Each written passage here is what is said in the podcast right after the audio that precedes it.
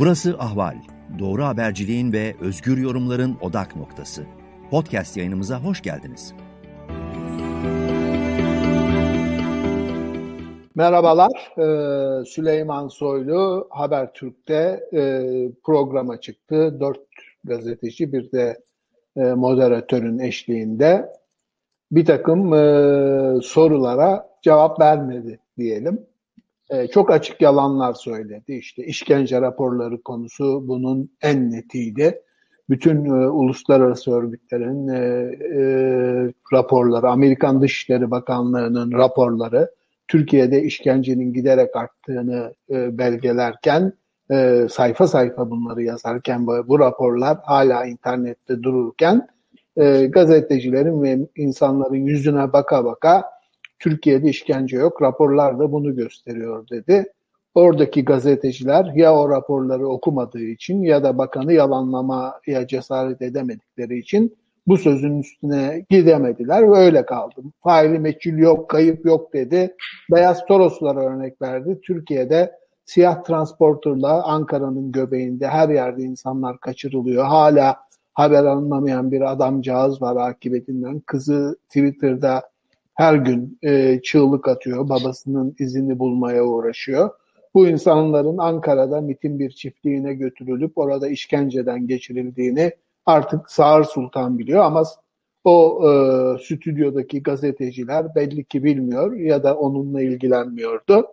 E, Canan Kaftancıoğlu ile ilgili çok açık e, yalan bilgi verdi. Canan Hanım e, Twitter'dan gördüğüm kadarıyla e, stüdyoya bağlanıp cevap hakkını kullanmak istedi ama Habertürk ona bu hakkı da tanımadı. E, Binali Yıldırım'ın e, gündüz açıp verdiği bilgi ise yayında dile getirdi. E, aslında biz de mesela şimdi soyluk yerine menemenin daha iyi yapılıp yapım nasıl yapılacağını, soğanlı mı soğansız mı olduğunu konuşabiliriz. Çünkü Soylu'nun programı aynen böyleydi. Bir ara cebinden kağıtlar çıkarıp size hayat sigortası satayım, araba sigortası satayım diyeceğini bile düşündüm yani gemideki satıcılar gibi. Ee, gazetecilik adına, siyaset adına ve sonuçta Türkiye'nin öne 50 milyon, 30 milyon kişisinin çocuk pornosu izleyeceğini söyleyecek kadar acize düşen bir İçişleri Bakanı vardı. Milyonlarca insan çocuk pornosu izliyor dedi.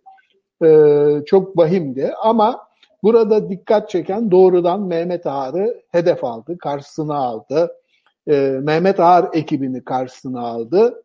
E, bir takım çanak sorularla e, Tayyip Erdoğan'ı kendi lehinde açıklama yapmaya zorladı adeta. Muhtemelen e, Erdoğan işte o yanlı e, eroin kaçakçılığı, Kutlu Adalı, Uğur Mumcu hiç doğru düzgün gündeme gelmezken bir tane Ali diye bir yerel gazeteci yarım saat konuşuldu. Kimse orada bakanın sözünü kesip biz soruyoruz siz cevap vermiyorsunuz diyemedi. Tek kişilik, sıkıcı e, bir propaganda e, gösterisine çevirdi programı ve gazeteciler de onun figüranı olmayı kabullenmiş oldular.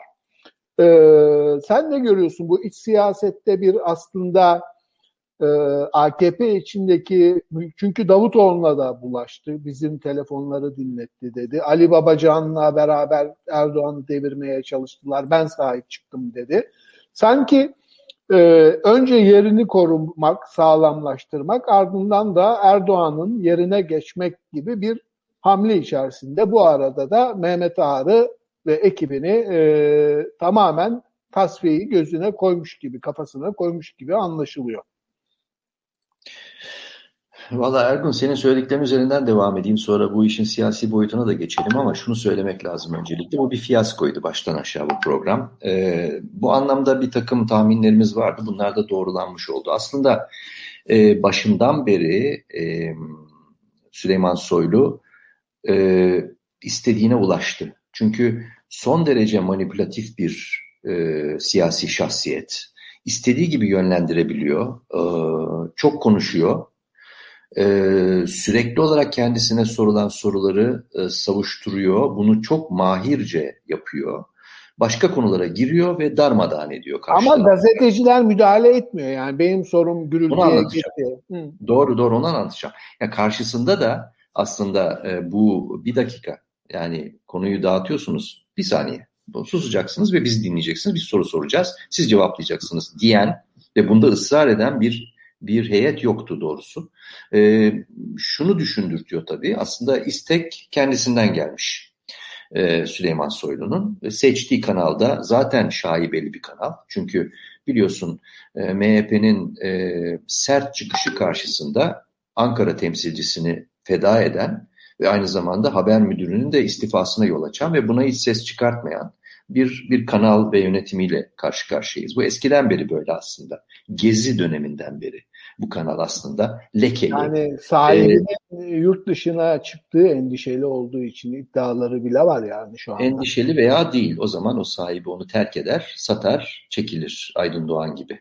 Ama burada hakikaten hem içindeyim hem dışında gibi bir, bir kanal söz konusu ama bu yüzden de seçilmiş olduğunu e, büyük bir rahatlıkla söyleyebiliriz. Çünkü kontrolü kolay bir kanal bu. Aslında. Burada bir şey söyleyeyim mi Yavuz? Sanki CNN Türk ve A Haber'e çıkamadığı için de biraz e, haber o Pelikan grubuyla kavgaları o zaten o gruplardan hiçbir gazetecinin olmaması bu gece Sabah ve Hürriyet'ten de onun bir göstergesi sanki.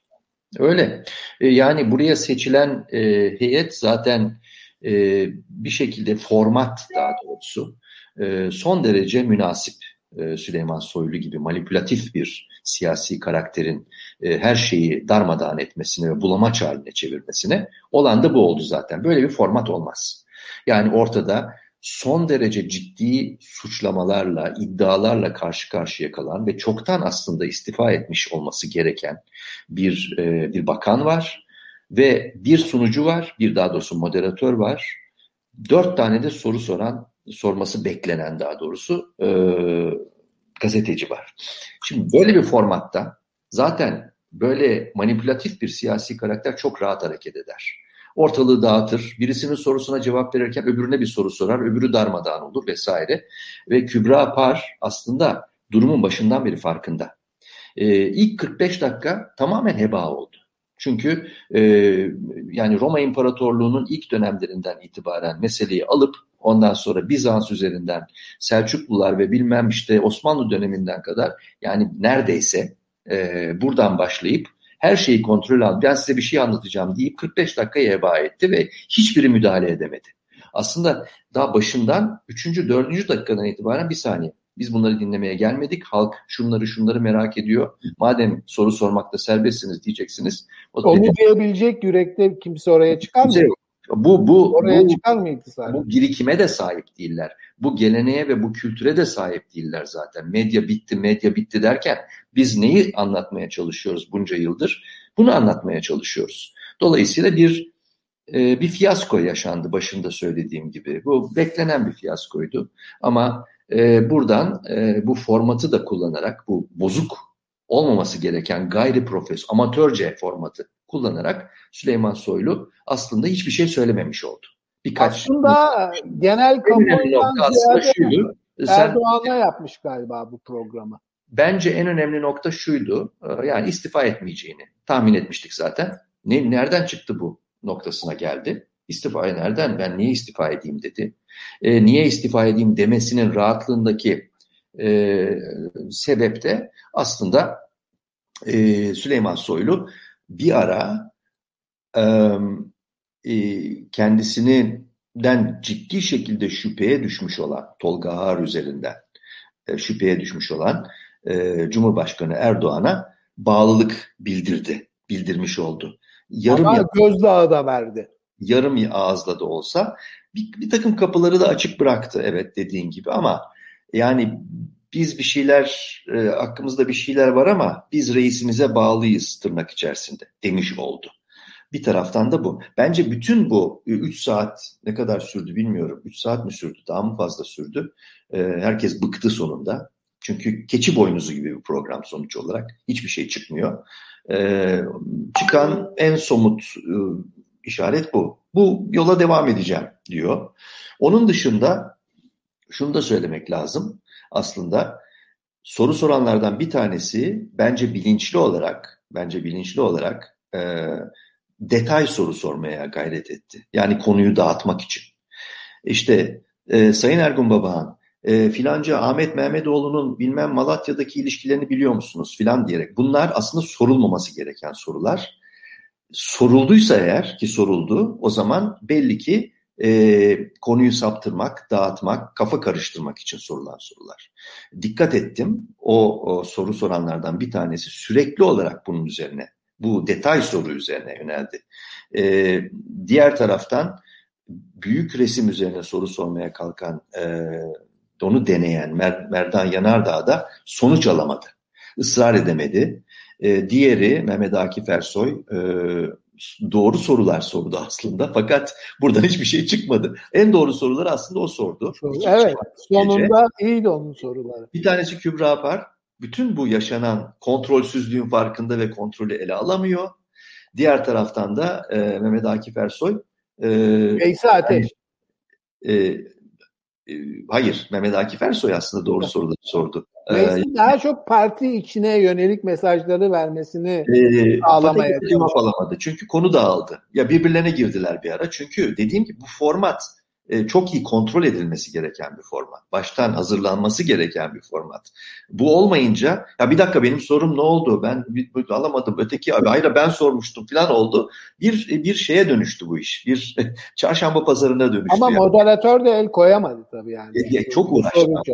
Hak yani teslim etmem lazım. Hı. Uğraştı fakat e, gücü yetmedi bu bu şeyde. Yani böyle bir e, şey e, amatörce bir programdı yani e, ve beklenen e, sonuç elde edilemedi. E, siyasi tarafına gelince belli ki e, senle daha önce de konuştuk. Aslında Süleyman Soylu bu programı kendisi istemiş. Bir PR programı olması için gayret etmiş. Elinde bir takım böyle e, pano gibi bir takım şeylerle gelmiş, ondan hazırlanmış, dünyanın parası hazır, harcanmış, enerjisi harcanmış. Yazıktır yani o, ekibe de. Bütün e, ekibin burada anlamında bir şeyler söyledi. İşte narkotik şube müdürü şudur budur. E, bir şeyler anlattı. E, aslında bir PR programı olarak e, bunu hazırlamış. Rejiye de o panolar verilmiş. Hatta bir ara e, şey dedi yani o arkadaşlar o resmi gösterseler iyi olur filan dedi. Onu birdenbire Kübra Apar tabii e, haklı bir var. Bu, bunu biz yapmayalım siz yaparsanız daha doğru olur dedi. Bir ara İsmail Saymaz'a dostum filan dedi. Yani bunlar aslında hep ifşa edici şeyler. Ee, nasıl bir senaryo, bir bir dizayn, bir mizansen kurulduğunun e, kurulduğunu bize anlatan şeyler. Ama e, dediğim gibi e, ne kadar başarılı oldu o PR çalışmasında e, belli ki amacı e, AKP teşkilatında güven tazelemek, AKP tabanında bir şekilde kendisinin sempati e, üretmesini sağlamak MHP tabanında da tabii. E, ne kadar başarılı oldu bilmiyorum. O soruyu sana bırakayım. Şimdi e, ilginç bir e, strateji izledi. Mesela programın başında 17-25 Aralık'ı kendisine yapılan gibi bir e, dış güçler operasyonuna benzetti. İşte Amerika var. Erdoğan da o zaman işte büyük büyük akıl üst akıl diyordu. Şey diyordu, CIA diyordu vesaire diyordu. E, kendisini orada Erdoğan'la özdeşleştirirken programın sonuna doğru İçişleri Bakanı'nın onun evinden para sayma makinesi çıkmadı mı dedi.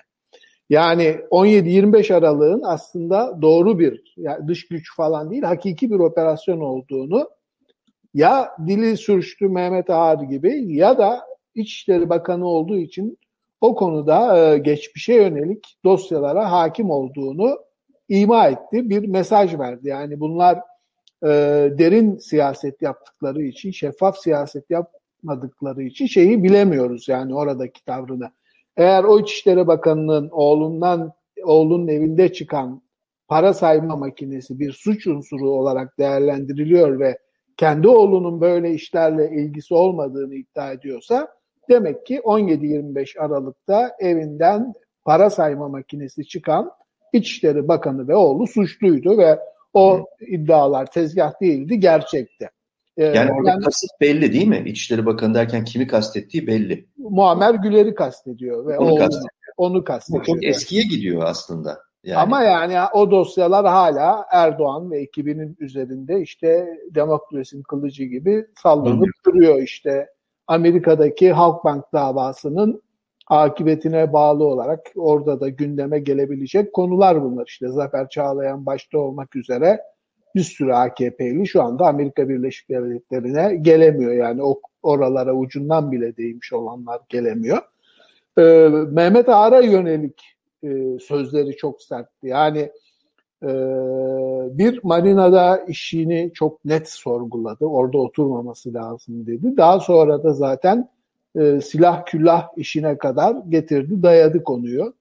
Ben, ee, sence bu önemli miydi? Ben bana çok önemli gibi gelmedi. Bence önemli. Yani, Marina'nın yönetim kurulunda oturma istifa etmesi gerekir hazırlanmış bir cevaptı. Bu çok zarar kendisine zarar verecek bir cevap değil. Mehmet Ağar'a da cevap zarar verecek bir cevap değil gibi geldi bana. Bence orada bir kırılma olmuş Mehmet Ağar'la arasında.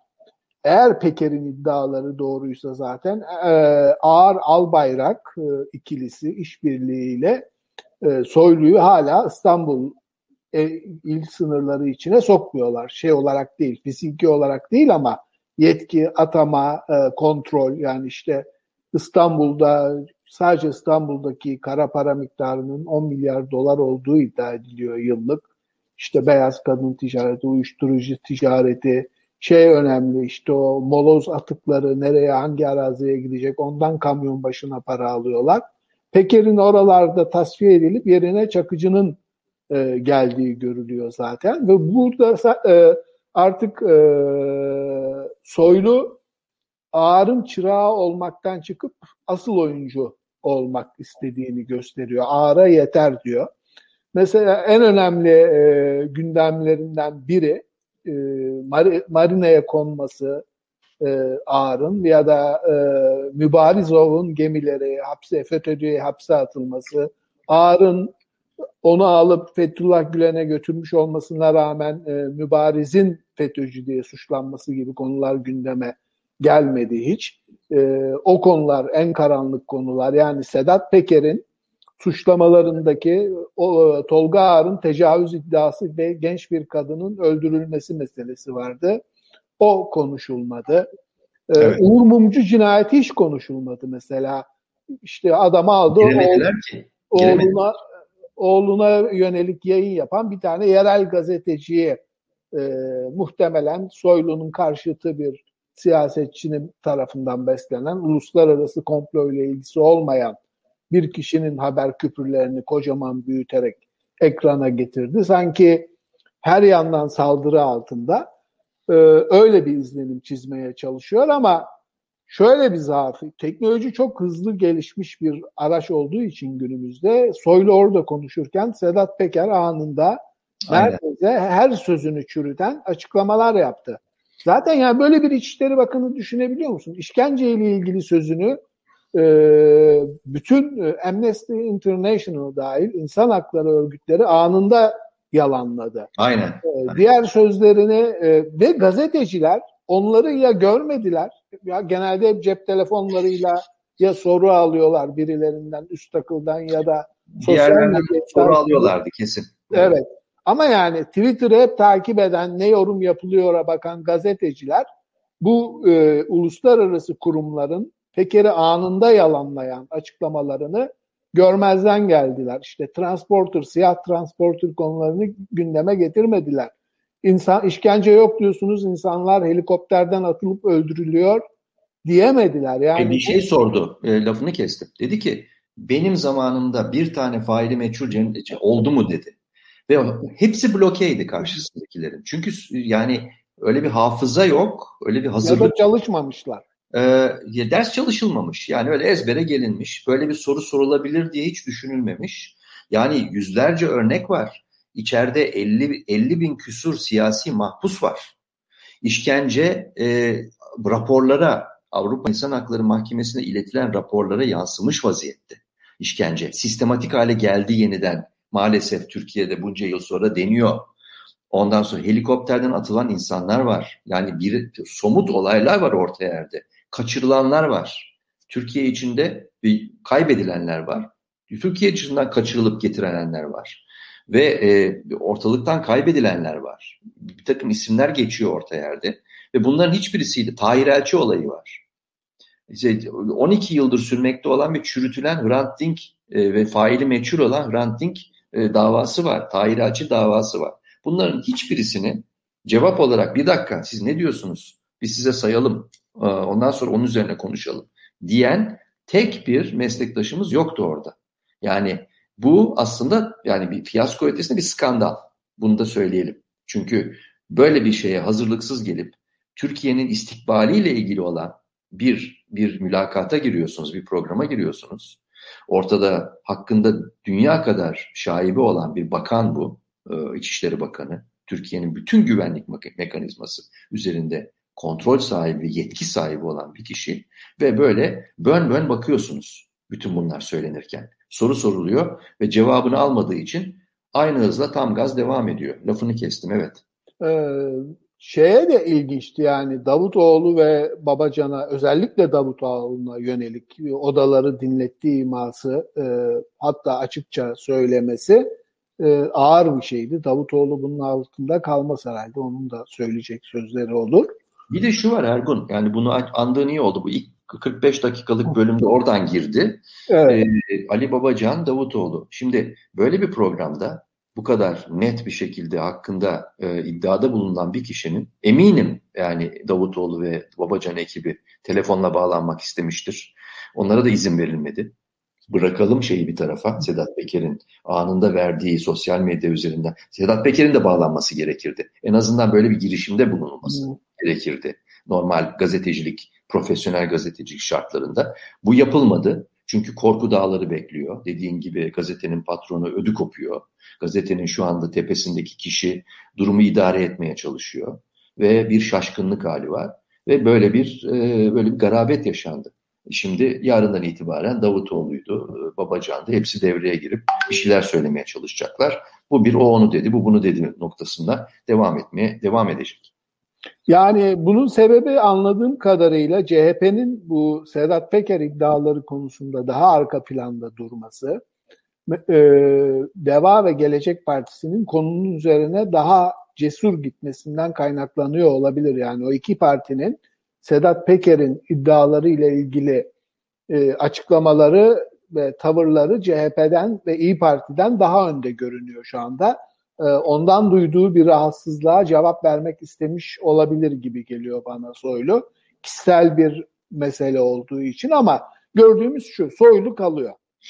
Evet. Muhalefet buna karşı işte susurlukta olduğu üzere işte bir aydınlık için bir dakika karanlık ya da tencere tava çalma eylemi bile yapamıyor. Herhangi bir şey planlayamıyor. Niye gitsin adam zaten değil mi böyle bir tabloda? Kesinlikle. Yani e, evinde para yakalandığı iddiası olan siyasetçinin cumhurbaşkanı olduğu bir ülkede mafya ile ilintisi olduğu söylenen bir siyasetçinin de İçişleri Bakanlığı koltuğunda oturması sanki Türkiye'nin geleneğinin bir parçası gibi zaten o mafya ile ilinti.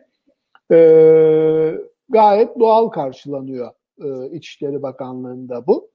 Ama ben sanki Mehmet Ağar'la bir e, kırılma yaşıyor gibi gördüm. Mesela onun oğlu ve o genç kadın konusu da gündeme gelmedi hiç. Hı hı. Özenle o konular herhalde baştan tespit edilmiş, ayıklanmış, girilmeyecek konular diye e, kenara konulmuş ya da Mehmet Ağar kendi hastane yatağından arayıp uyarıda bulunmuş o insanlara ya da yönetime e, Sedat Peker'i tabii takip ettik bütün bu şey içerisinde. Çünkü Sedat Peker'in buna cevaben atmış olduğu tweetler aslında Süleyman Soylu'nun o keçi boynuzu programda söylemeye çalıştıklarının ötesinde daha önem taşıyordu.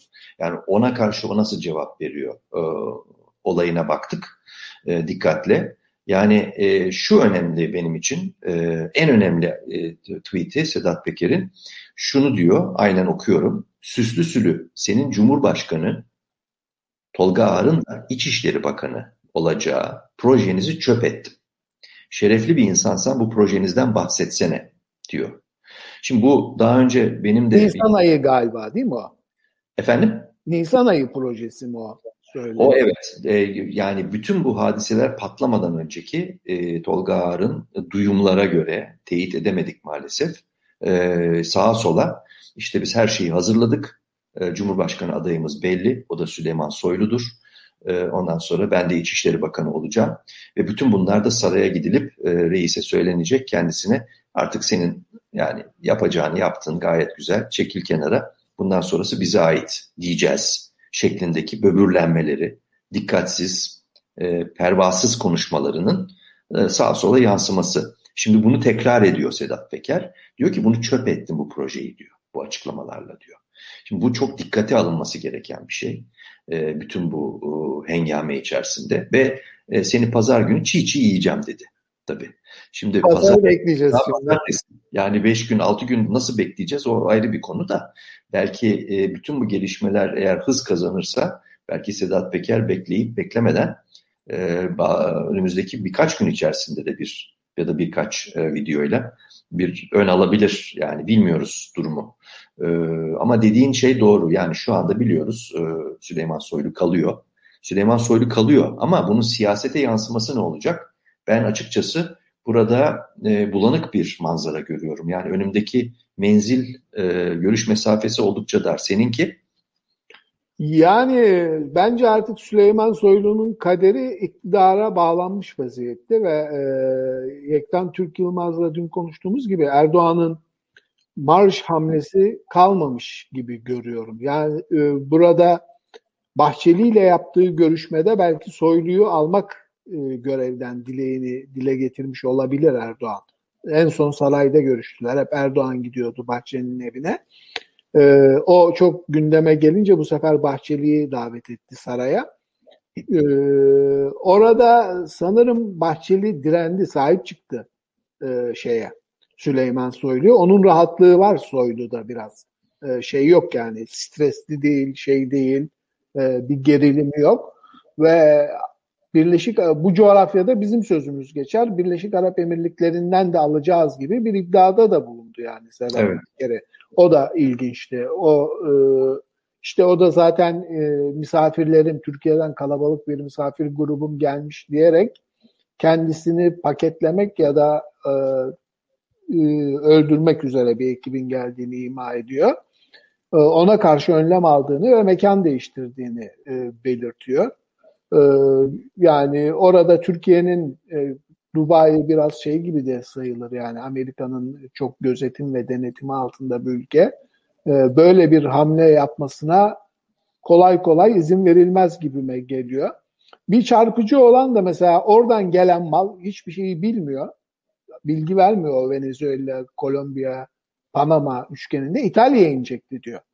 Hmm. E, İtalya limanı da Yılport'un. O ona değinmedi mesela. E, Toronto limanı mı ne?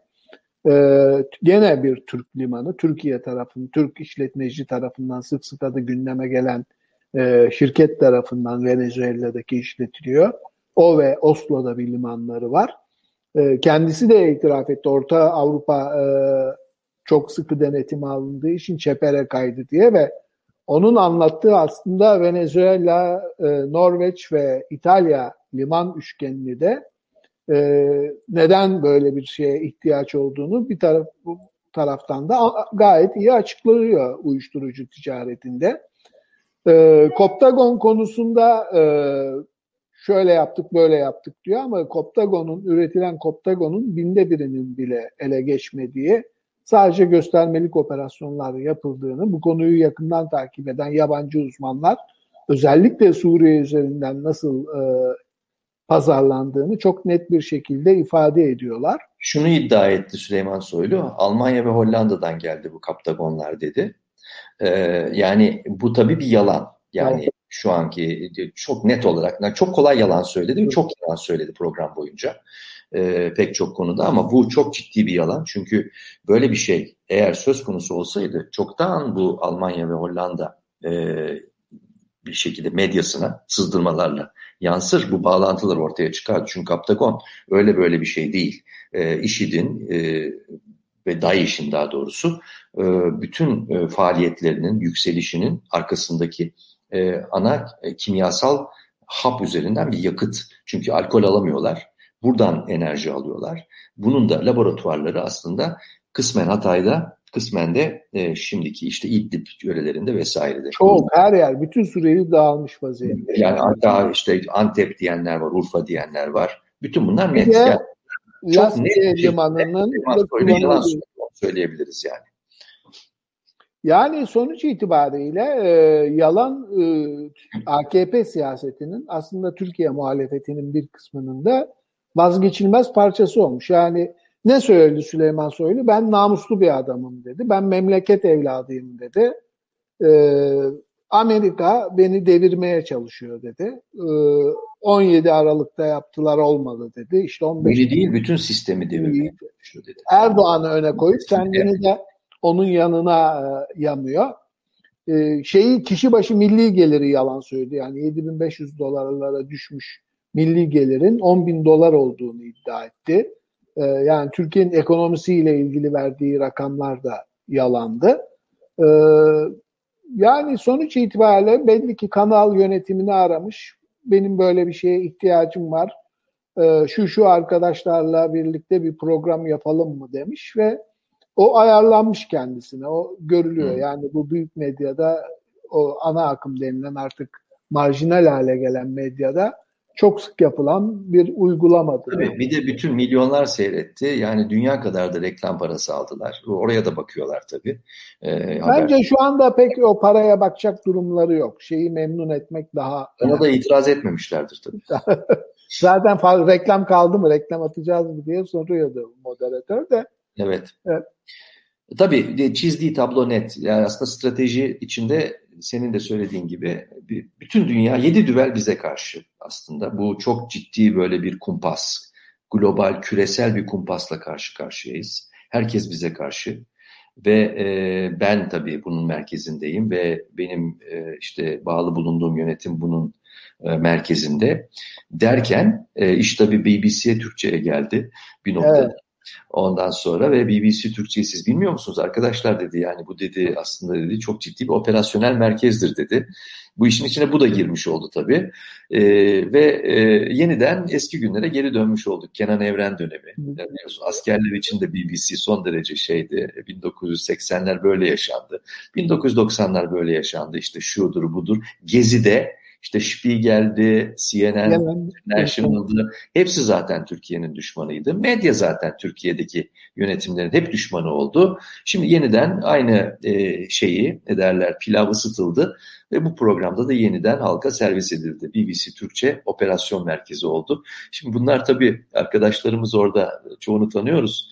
E, umarım bir cevap falan vermezler e, tenezzül edip, çünkü tenezzül etmemek lazım böyle saçmalıklara. Hakikaten tenezzül etmemeleri lazım. Çünkü deli saçması bir şeyler söyleyen, e, söyledi. rezil etmiş olan bir siyasi e, siyasetçi söz konusu.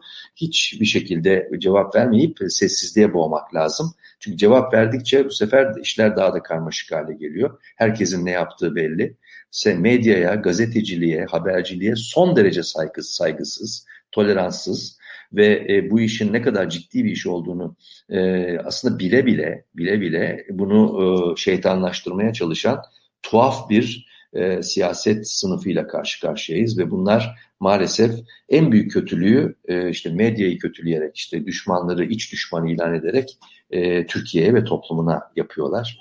Ee, söylenebilecek şeyler herhalde bunlar bu programla ilgili olarak. Benim e, başka bir şey varsa konuşmamız gereken sende vardır eminim şey Soylu'nun o konudaki tweet'i mü- müthişti. Bu adam deli. Şimdi dedi BBC'yi de FETÖ'cü ilan edecek biraz sonra. e, olacağı odur. Yani olacağı odur. Çünkü e, sık sık bu konu gündeme geldi. Yani o öyledir, bu böyledir. Hatta e, dikkat çekici bir konuşma vardı orada. E, neydi o? E, bir e, bir ara birisi şey dedi. E, Süleyman Soylu dedi ki Peker'in diyor dedi yani bulunduğu yerdeki barınmasına izin vermeyiz. Hapse girecek, gelecek buraya dedi.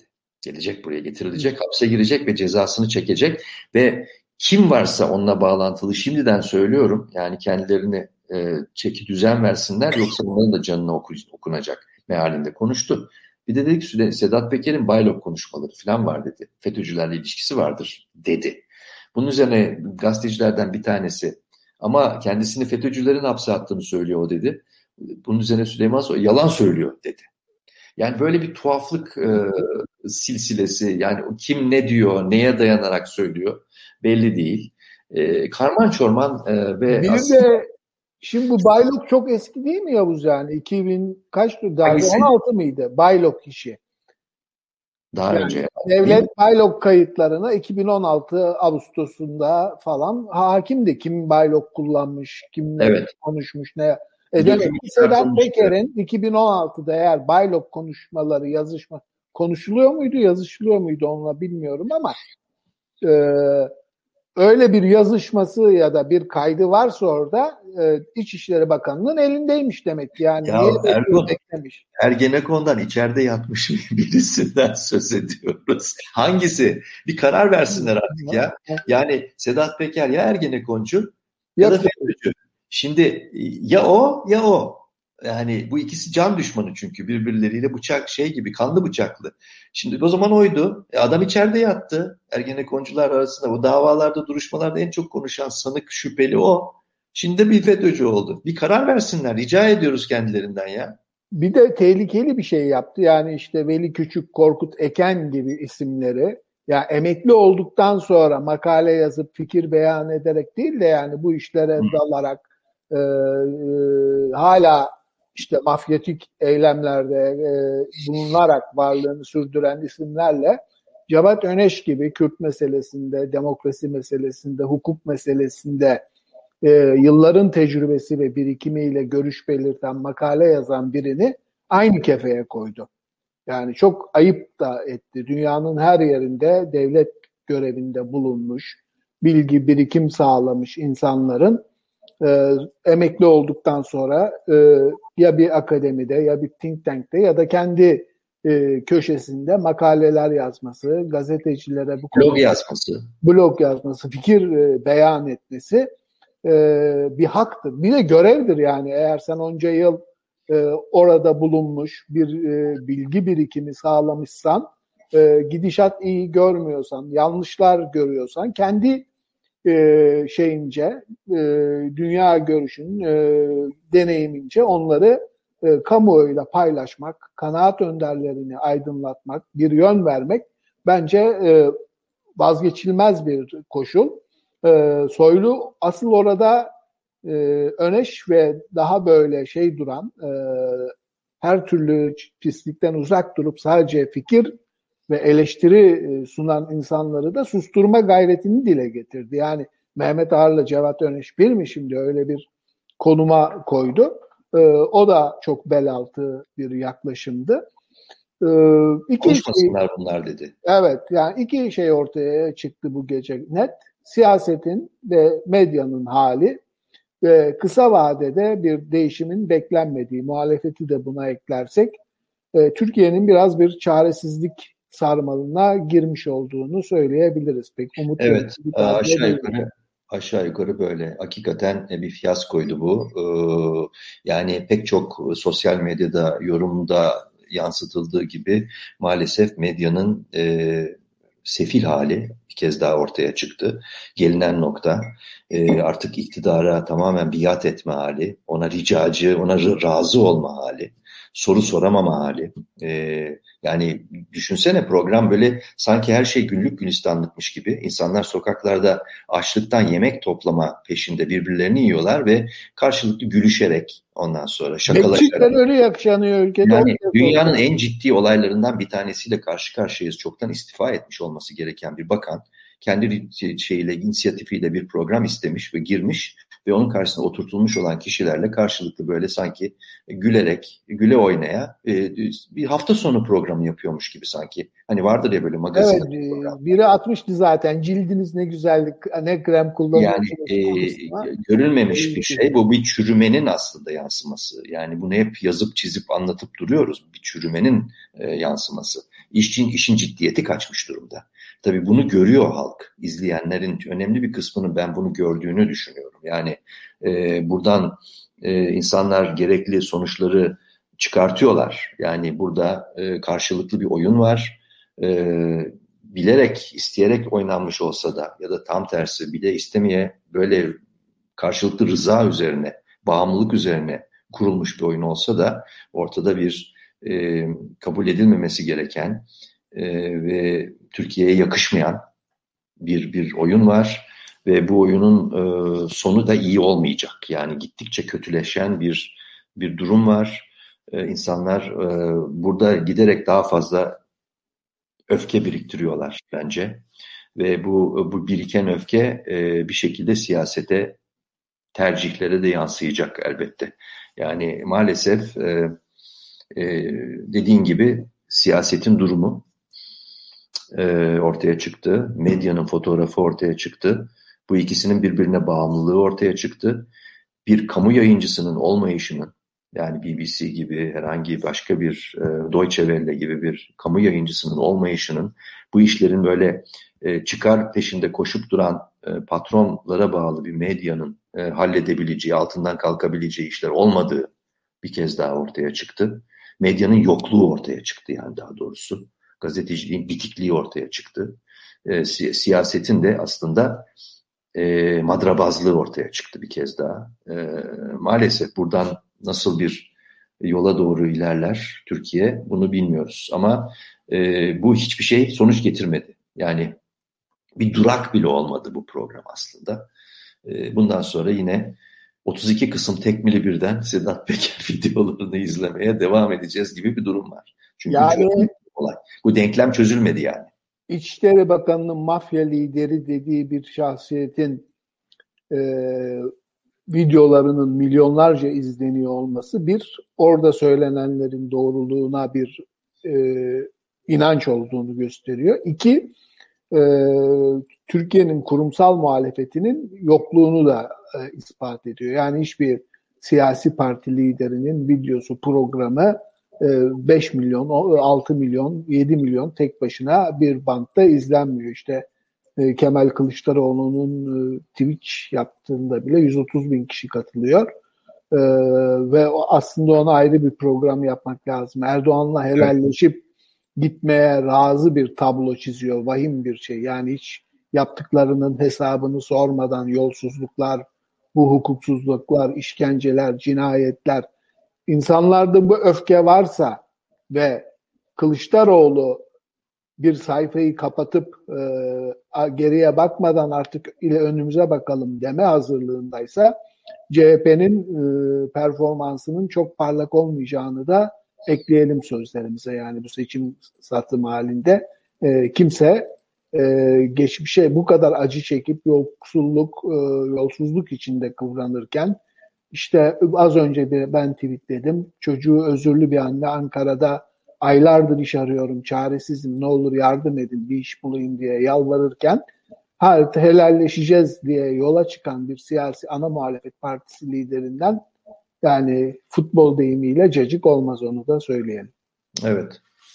Yani e, şunu da söyleyelim. E, bir iddiası daha var e, şeyin, e, da talebi var daha doğrusu İçişleri Bakanı Süleyman Soylu'nun bu YouTube'la YouTube videoları niye seyrediyorsunuz, niye bunlardan bahsediyorsunuz noktasına kadar geldi. Evet.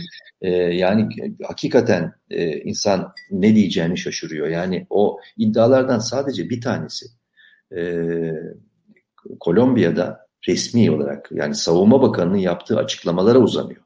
Yani kayıtlara geçmiş olan bir şey. E işte yani, şeyi yalanlayamadılar yani, oğlunun yani gittiği. Başka bir, pek çok somut örnek var. Bir tane örnek. Niye konuşulmasın böyle bir şey? Onu hadi gazetecilik bitmiş. Türkiye'de yüzde 95'i medyanın araştırmacı gazeteciliği öldürmüşsün, tüketmişsin, hepsini kendine bağlamışsın, maaşlamışsın.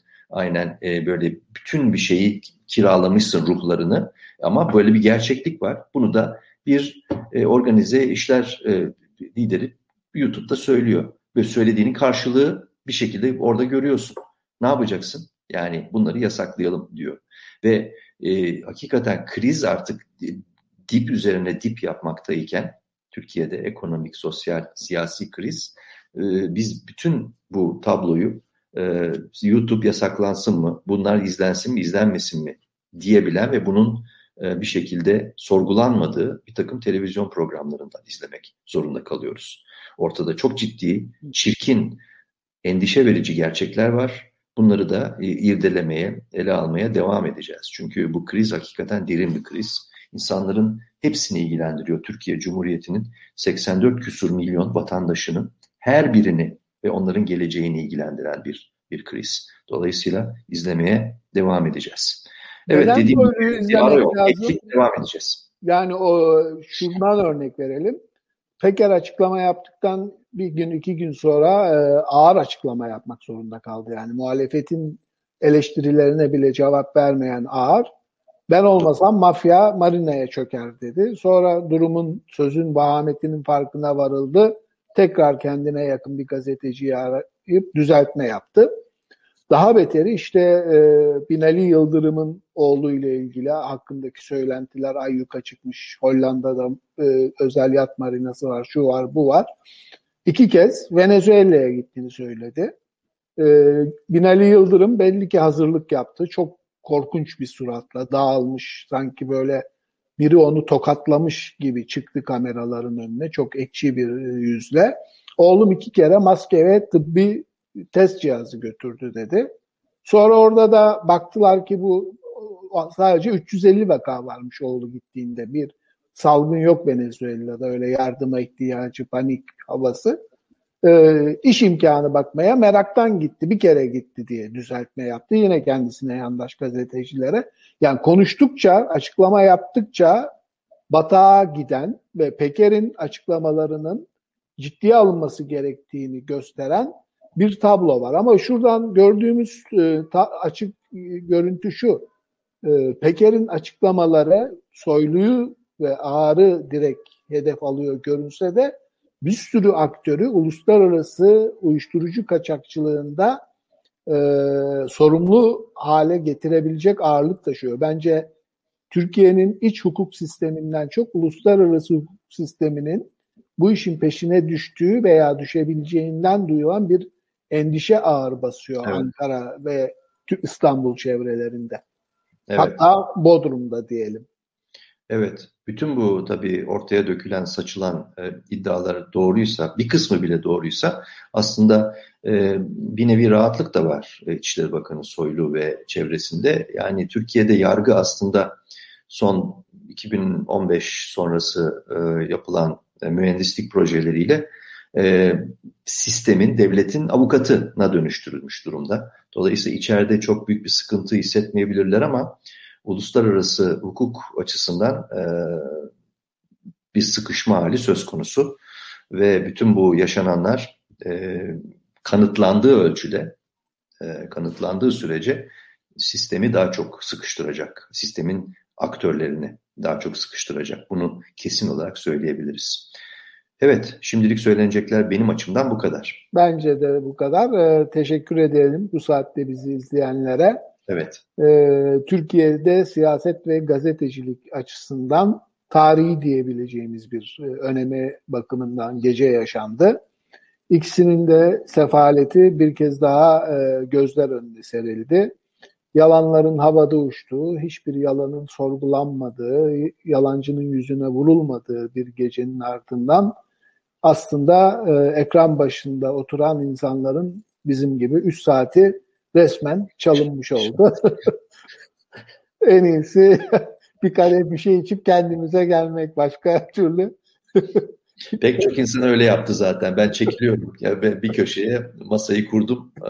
Başka şeylerle meşgul olacağım dedi. Demek Aynen. zorunda hissetti kendisini yani. Evet. Peki. İyi geceler Yavuz. İyi geceler. Ahval podcastlerini tüm mobil telefonlarda Spotify, SoundCloud ve Spreaker üzerinden dinleyebilirsiniz. Apple iPhone kullanıcıları bize iTunes üzerinden de ulaşabilir. Türkiye'nin ve hayatın cıvıl cıvıl sesleri Ahval Podcast dizisinde. Kulağınız bizde olsun.